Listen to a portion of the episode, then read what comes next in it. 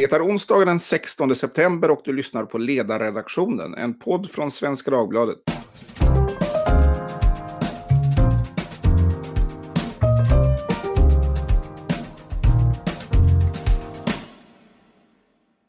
Jag heter Fredrik Johansson och idag kommer vi att prata om EU, om EUs framtid och framför allt om hur Sverige ska förhålla sig till den utvecklingen. För att sätta tänderna i detta nätta ämne har jag med mig Fredrik Eriksson som är ekonom och director vid European Center for International Political Economy, ISARP. Göran från Sydow som är statsvetare och chef för Svenska institutet för Europapolitiska studier, SIEPS, samt Kristoffer Fjellner som under 15 år var moderat ledamot av Europaparlamentet och som idag bland annat sitter i Moderaternas partistyrelse. Välkomna! I senaste numret av Access skriver du Fredrik om att svensk Europapolitik står inför en sorts vägskäl. Vad ska vi göra nu? är rubriken.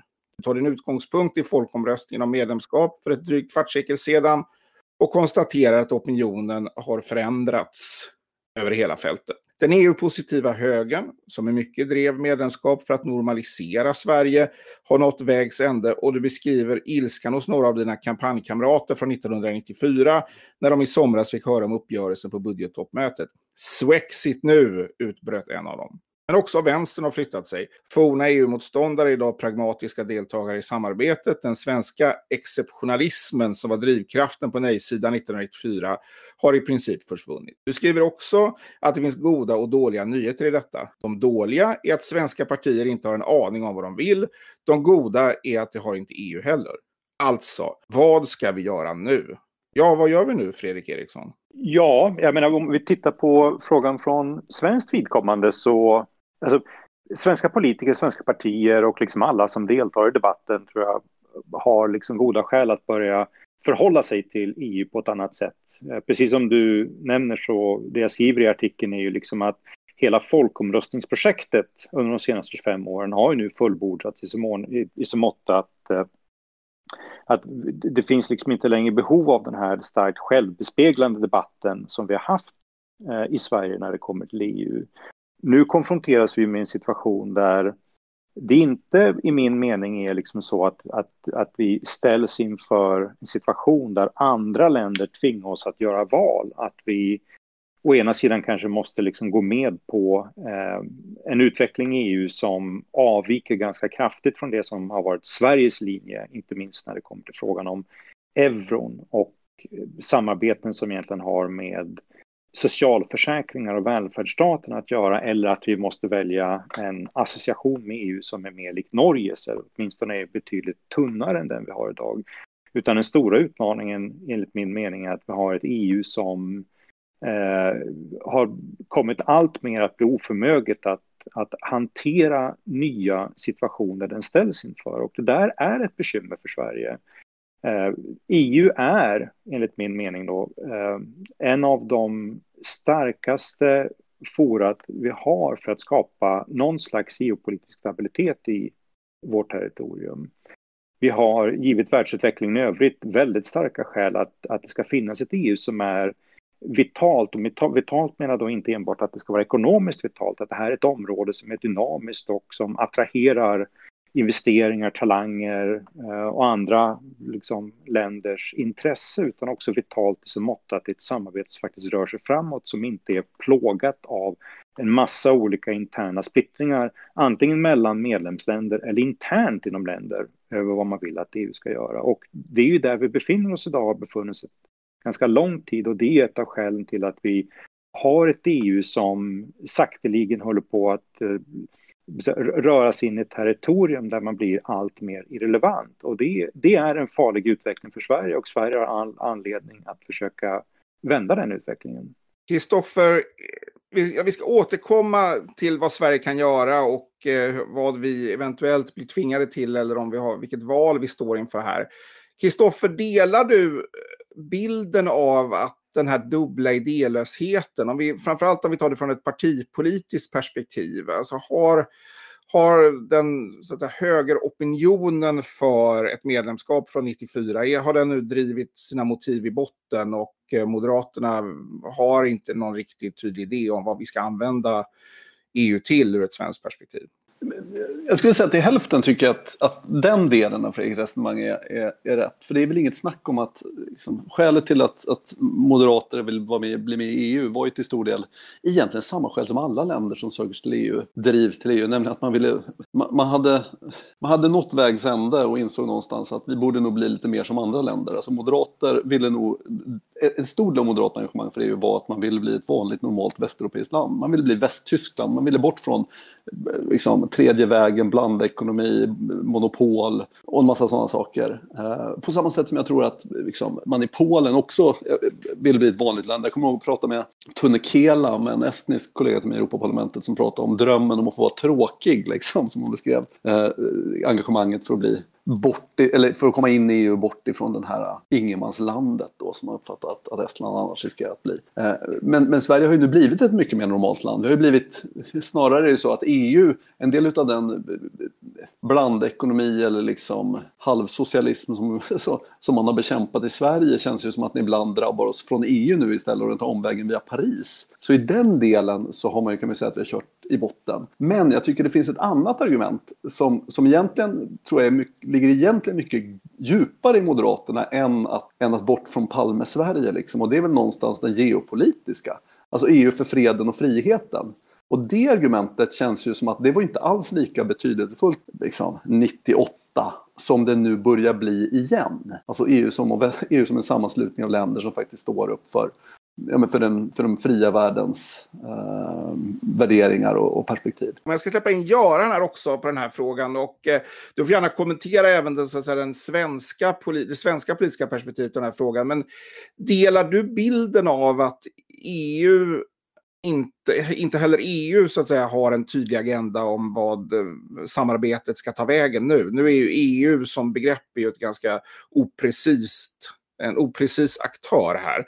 Men vad är din kommentar till Fredriks bild av var vi befinner oss? Ja, nej men jag, det, idag så har vi kunnat lyssna på när kommissionens ordförande Ursula von der Leyen har hållit sitt så kallade State of the European Union-tal. Så här första gången ett linjetal och då tänkte jag nog på också att det är en väldigt liksom ambitiös dagordning som EU har.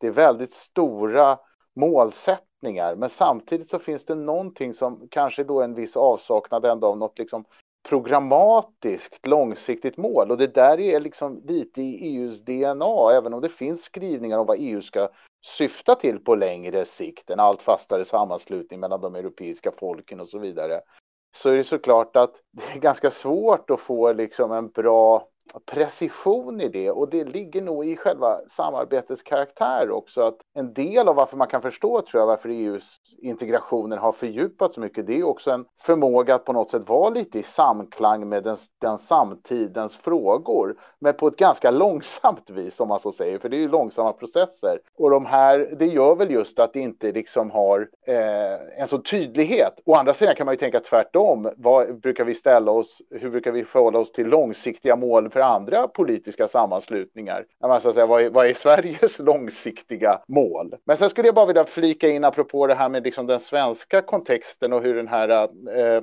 debatten debatten och det partipolitiska har förändrats så är det väl så att jag delar mycket av den tolkning här som finns i, i Fredrik Erikssons artikel också, att det har skett en, en form av, kan man säga, en europeisering i svenska partirymden. Jag själv eh, studerade det här under lång tid och skrev min avhandling om EU-skepsis och då var det ju så att Sverige var ju lite av ett undantag i den meningen att kritik mot EU i huvudsak var en vänsterståndpunkt eh, i partipolitik och i opinionen. Medan i många andra länder så återfanns ju den skepsis skepsis som uttrycks starkast mot EU på båda ytterkanterna, det vill säga till höger och till vänster av det politiska spektrat. Och även om den övergripande trenden är ju så att säga att en stärkt positiv opinion i Sverige så tycker jag helt enkelt att det ser mer likt ut som det gör i andra medlemsstater, att det är så att säga på ytterflankerna man hittar kritiken och att stödet så att säga för EU återfinns snarare i den politiska mitten. Ja, i den mån så har väl så att säga även den i den delen har Sverige blivit ett mer normalt europeiskt land än vad vi var eh, i början på 90-talet.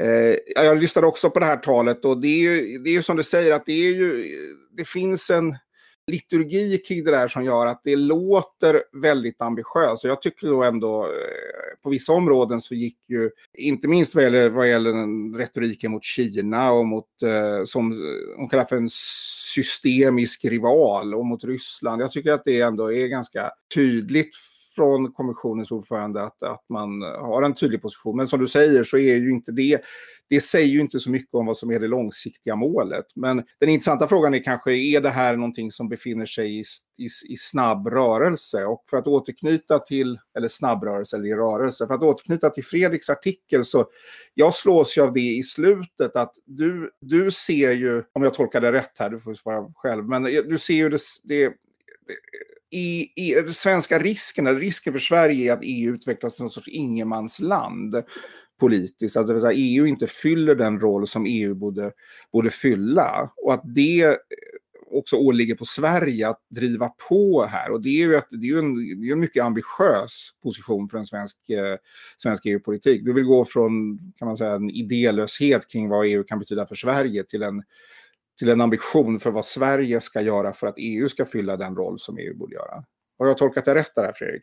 Ja, nej, men det har du gjort. Och, eh, jag skulle säga, alltså, på, på, något sätt så är det inte unikt för svensk del, eller i svensk politisk kontext, att man ska ha en internationell agenda som är ganska tydlig både vad gäller eh, vad man vill åstadkomma och vilka metoder man använder sig för att nå dit. Eh, jag menar, man kan recensera själva innehållet väldigt mycket av svensk utrikespolitik under, under eh, 1900-talet och kanske delvis av, 2000-talet. Men man kan ändå konstatera att, att, när det kommer till inställningen som Sverige hade till liksom hela FN-systemet och vad man vill åstadkomma med FN-systemet, när vi ser vad liksom svensk position under lång tid har varit inom sådana organisationer som Världshandelsorganisationen, så är det liksom alldeles uppenbart att här har det funnits en hög svensk ambition som man har arbetat väldigt metodiskt och långsiktigt för att försöka förverkliga. Så att jag tror inte att det skulle vara ett, ett avbrott från svensk inter, internationalistisk metod eller svensk utrikespolitisk ambition att man nu ska försöka eh, ändra på sin attityd när det kommer till hur man vill förhålla sig till EU det jag tror vi behöver göra, det jag tror vi behöver göra är, liksom är att, att på något sätt frigöra oss från den här snarast liksom kameralistiska ordningen som har kommit att etableras liksom för svensk debatt. Att liksom det, det sätt som vi värderar Eh, på om EU gör saker som är bra eller dåligt handlar liksom om storleken på budgeten. Jag tror att det kommer förändras, att svensk verklighet kommer förändras i så mått att, eh, som du har skrivit om Fredrik, att med britternas utträde så kommer Sverige att bli en mycket, mycket större nettobetalare framöver. Och det är liksom, vi kommer att få betala för ett, ett premium för vår geopolitiska garanti. Men i övrigt så tycker jag att liksom fältet är ganska öppet och att det finns, det finns stora möjligheter för Sverige att göra sin röst hörd där. Är Din kommentar till det, Kristoffer, är det, är det tror, detta är ju, det är ju det är ju slarvigt att prata om så att säga, en svensk linje här eftersom den definieras av vilka politiker det är som styr. Men vad är förutsättningarna för en så mycket mer ambitiös svensk Europapolitisk linje? Inte minst mot bakgrund av att ja, vi är inte med i eurosamarbetet, eh, vi är, eh, har varit ganska svårflörtade vad gäller en del av de andra fördjupade samarbetena. Eh, och har, har väl, gissar jag, det får, får du väl fylla i, eh, också uppfattats som en, lite grann av en bromskloss som har kunnat utöva detta bromsklossande i skyddet av så där, det stora brittiska bromsandet. Är det, är det sannolikt att Sverige kan, kan börja inta en sån position i närtid? Det är svårt som, som självvarandes aktiv politiker att prata om vad som är sannolikt eller inte, utan då blir det mer vad man ska försöka förverkliga eller inte förverkliga. Och det är såklart, det är ju möjligt, det är inte. Men det, det förutsätter ju en grundläggande förändring i perspektiv på EU. Att, att sluta att se EU som en, vilket jag tycker man gör i den svenska debatten, de flesta svenska politiker, även de som är aktiva i EU, ser det som en, sluta se det som en omständighet och istället se det som en arena där man kan utöva och, liksom agera på olika sätt och, och förändra. Eh, och, och jag tror att det finns, det, det, finns ju en massa, Fredrik nämner ett antal områden där, där Sverige verkligen har liksom ett, ett, stort intresse och stora möjligheter att, att, att göra skillnad. Men, men frågan är ju lite grann, det krävs dels för jag en, en helt annan helt annan Europapolitisk diskussion inom politiken och inom politiska partier allt för mycket är ju fortfarande, liksom, och det kanske är på att vi ser det som en omständighet, att, att, att vi är ju liksom ett släpankare, vi är extremt baktunga. Eh, väldigt mycket av min erfarenhet är ju ofta det att eftersom att EU har ju ingen egen agenda. Alltså EU är ju ingenting annat än det du fyller det med. Och, och, och den, den som tar initiativ, den som leder, den som, den som föreslår grejer har ett savlig initiativkraft. Men som Sverige är förbaskat dålig på det så, så är det också så att vi, det blir mer en omständighet där man tvingas förhålla sig till, till andras agendor och till andras förslag. Någonting som slår mig i det här sammanhanget är ju också vår oförmåga att, att samla det våra så att säga. Eh, jag, någonstans här så konstaterade jag att när det var diskussion om Europas framtid så var det liksom Visegradländerna har ju extremt mycket mer välorganiserade än vad vi har lyckats organisera vår egen värdegemenskap och vårt eget nätverk i Norden, Baltikum till exempel. Det beror delvis på att, på att vi är så att, att hälften av oss är med i EU, hälften inte, hälften NATO, hälften inte bankunionen, euron och att, att, liksom, att, att vi inte har vårt eget hus i ordning. Men i den delen har ju Sverige ett väldigt stort ansvar. Eh, att faktiskt dels själv fundera på, är det rimligt att stå utanför alla de här samarbetena? Och att, att dras mot en sån norgefiering. Men också, hur kan vi agera för att på något sätt samla den del av EU som mer vill mer eller mindre som oss? Uh, med gott samarbete och att börja se EU som en arena istället för en omständighet så tror jag definitivt man kan, man kan bli mer framtung och, och göra det som Fredrik Eriksson pratar om. Göran, jag vet inte om du är mer eh, benägen att göra en sannolikhetsbedömning, men jag tänker på det här som Kristoffer säger om att man ska se EU som en arena eller som en omständighet.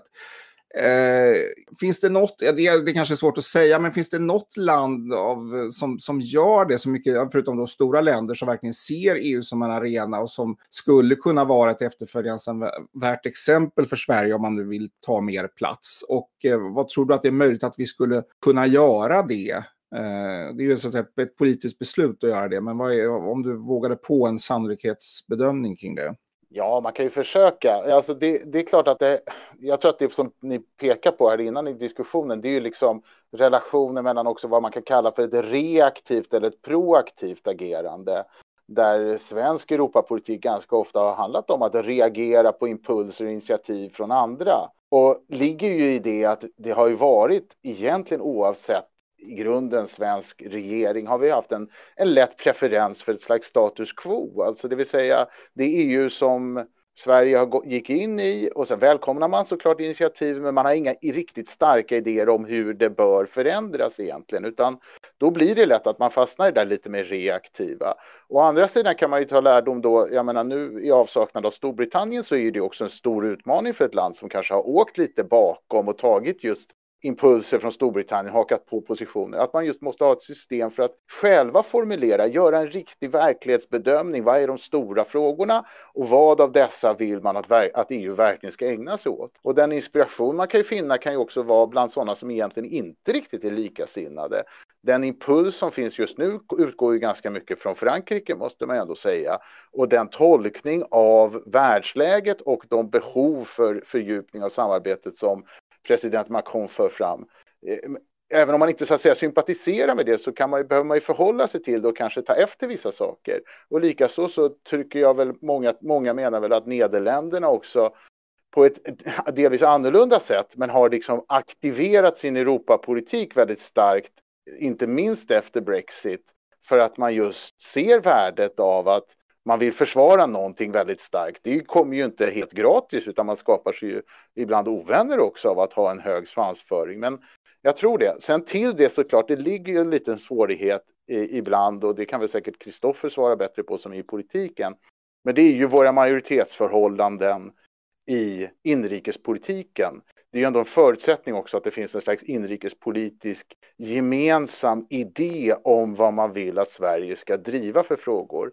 För innan dess är det ju svårare för vilken regering som helst egentligen att ha ett eh, stort manöverutrymme som kan behövas för att ta just Europapolitiska initiativ. Ja, intressant att du nämner Frankrike och, eh, och Nederländerna i det här sammanhanget. Det var ju ett, eh, en uppmärksammad sak som rapporterades ifrån toppmötet i, i somras var ju när Macron, så vitt jag förstår, skällde ut eller slog näven i bordet framför den nederländska premiärministern Mark Rutte och sa att ni är de nya britterna. Eh, vilket ju som, eh, eh, som anklagelseakt är ju intressant i sig. Men det, det, är mot, det är också mot honom som eh, Frankrikes president vänder. Alltså Holland som ett eh, centralt kärnland, euroland och där, där förväntningarna också tror jag ser annorlunda ut än på ett land som Sverige.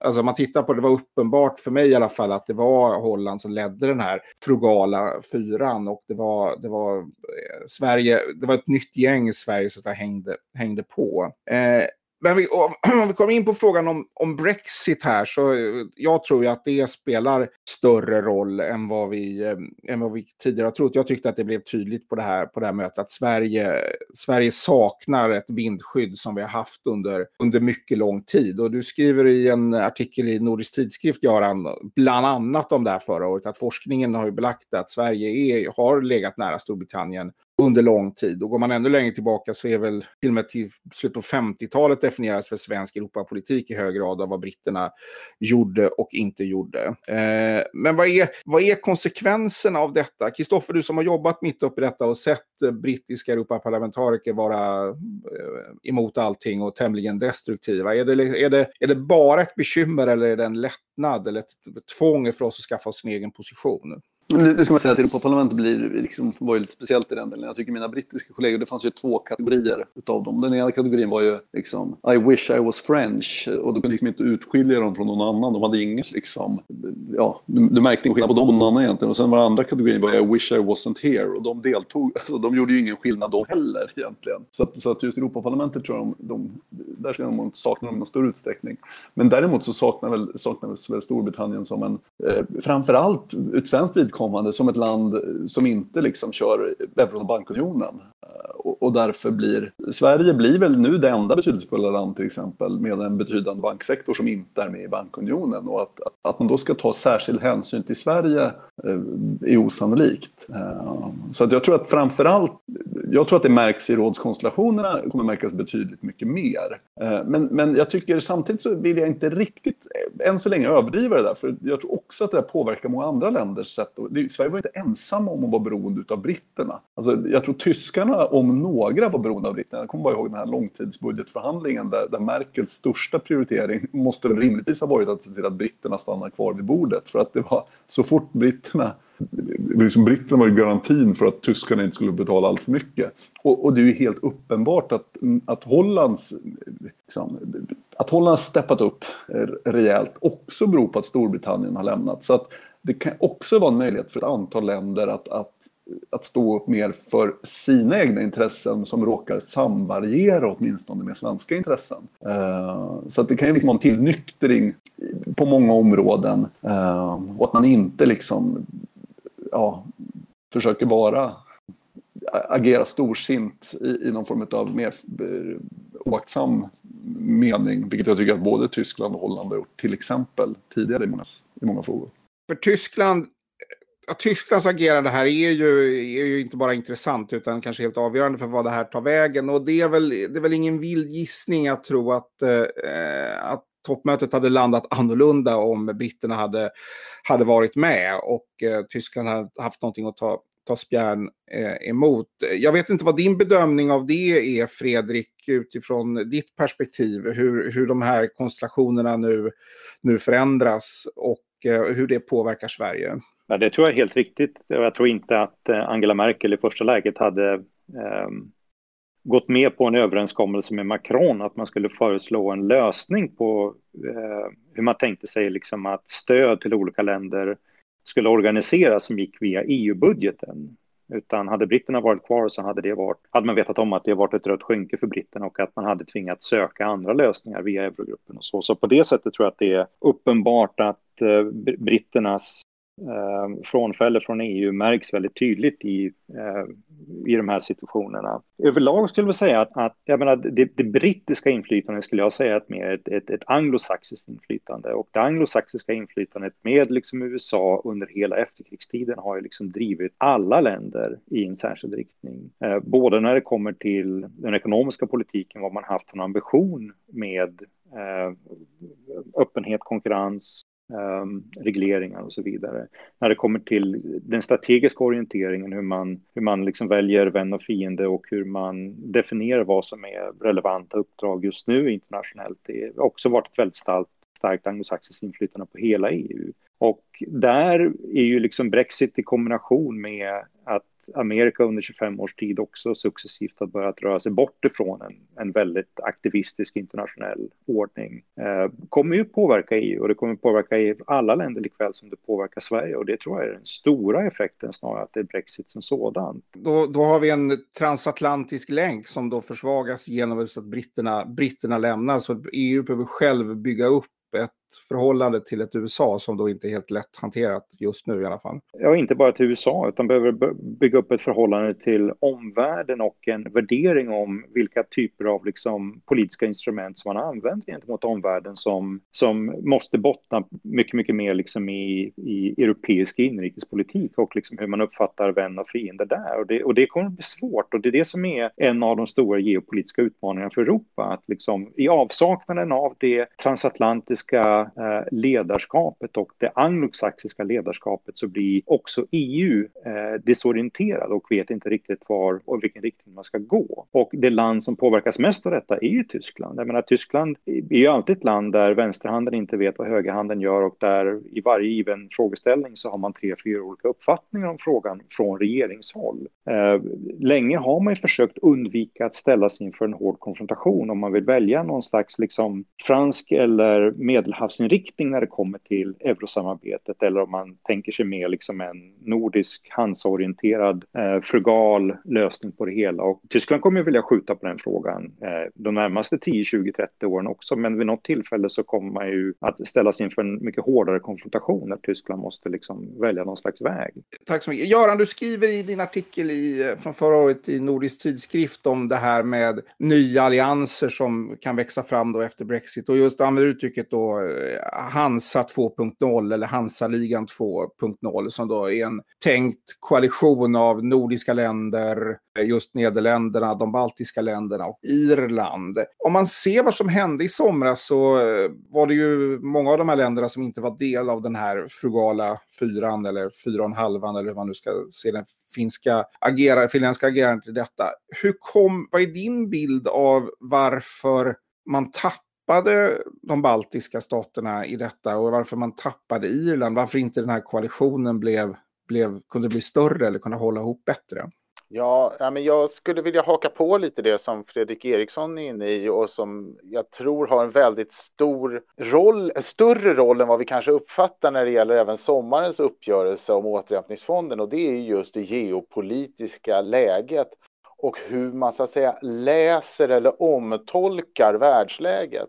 Och där jag tror att det liksom, om man ska säga det kontinentaleuropeiska och det har varit stor i en omsvängning i att förstå att ja, men, så, här, så här uppfattar man världen lite närmare då en traditionell kanske fransk ståndpunkt, nämligen att Europa Europa måste sörja mycket mer för sin egen både säkerhet och välmående och orientera sig i relation till andra stora globala, både Kina, USA och Ryssland. Och det där tillsammans med den här krisen och den fråga om solidaritet som uppenbarade sig på olika sätt i coronapandemin har till samverkat för att få en omsvängning av tysk politik och det i sin tur tror jag fick med sig många av de andra länderna också som värderade läget annorlunda. Att nu är det liksom en enighet först och främst och att visa den här viktiga signalen om att man, att man, man håller ihop. Och här finns det liksom trådar som går in från flera håll, ska jag säga. Det är geopolitik, men det är också geoekonomi. Och det handlar ju om hur man ska klara av den här återhämtningen och hur vi förhåller oss just i konkurrensrelationer till, till eh, andra makter. Och någonstans så kan jag ibland tänka att de här 25 åren av svenskt eh, e EU-medlemskap har varit liksom en väldigt gynnsam period för ett litet öppet land som stod, stå, tror på frihandel, den inre marknaden, liksom öppenhet mot omvärlden. Och nu så sker det rätt eller fel en, en liksom omtolkning av vad det här egentligen handlar om i Europa. Och då kan man ju säga att britterna har ju varit en traditionell allierad för att stå för just de här värdena. Men samtidigt så ser vi ju att även i brittisk politik, eller för den delen i amerikansk politik, så är det ju ett väldigt annorlunda förhållningssätt till exempel till marknader och handel och så vidare. Så att helt enkelt så tror jag att här står man i en utmaning för länder av Sveriges typ. Det vill säga hur förhåller vi oss till den här världsbilden som delvis förändras och som får sen sin översättning när i, i den europeiska politiken när man talar om saker som strategisk autonomi ekonomi, eh, industripolitik, att liksom skydda mer än att kanske öppna.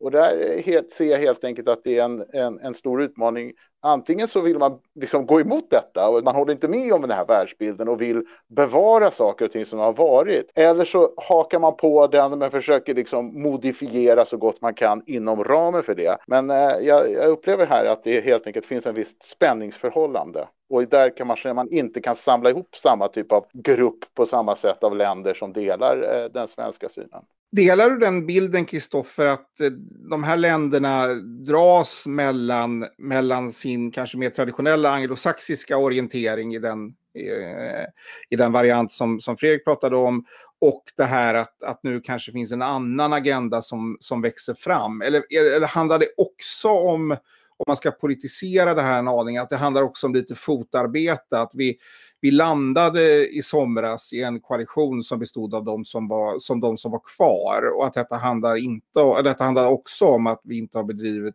vi säger nu, att Sverige inte har bedrivit ett tillräckligt eh, tydligt arbete för att bygga en koalition som är större än den här frugala fyran.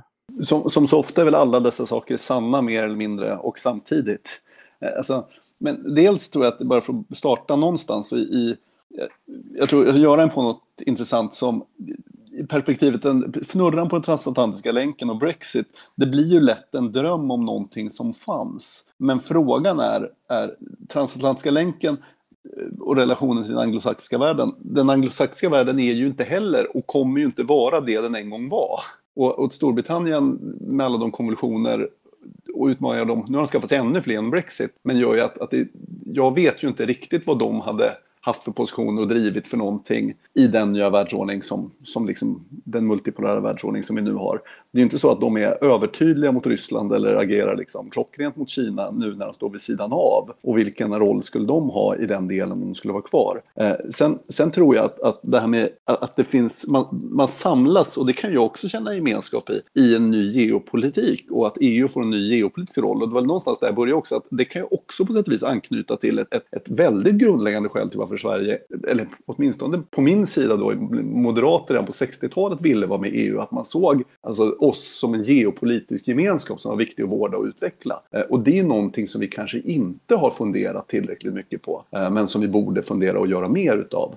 Eh, Sen, sen, tror jag det du slutar med, det här huruvida vi, eh, huruvida vi eh, har skött våra kort rätt i att bygga våra allianser för att få det inflytande som, som vi ska ha. Det tycker jag ju själv att vi inte har gjort. Alltså, det är bara, jag kommer ihåg, jag vill skriva en gemensam debattartikel med en dansk kollega här för, för ett tag sedan i Europaparlamentet och då var det så han så här, det, det är inget bra, man vill inte synas tillsammans med svenskar nu för tiden. Eh, och, och, att vi inte klarar av att liksom, att Norden-Baltikum som borde utifrån gemensamma intressen, gemensam storlek, eh, gemensamma perspektiv perspektiv ha, ha, ha väldigt mycket mer inflytande i EU om vi agerar gemensamt. Att vi är så splittrade, an, största ansvaret på det faller ju på Sverige. Sen beror ju det, som jag sa förut, till del på att, att vi har så mycket olika, alltså, att hälften är med i hälften och andra hälften är med i den andra hälften. Men det har ju också Sverige ett ansvar för. Alltså man måste ju på något sätt, vi måste ju bestämma vad vi vill och sen försöka samla de andra kring det och bestämma oss för att försöka vara med i sådana fall i NATO eller, eller kanske ompröva vår syn på bankunionen och, och ta en diskussion om euron, om det nu är så, och samla hela Norden kring, kring det. Eh, eller än att eh, bara acceptera den här splittringen som tror jag skadar våra möjligheter att få inflytande i EU.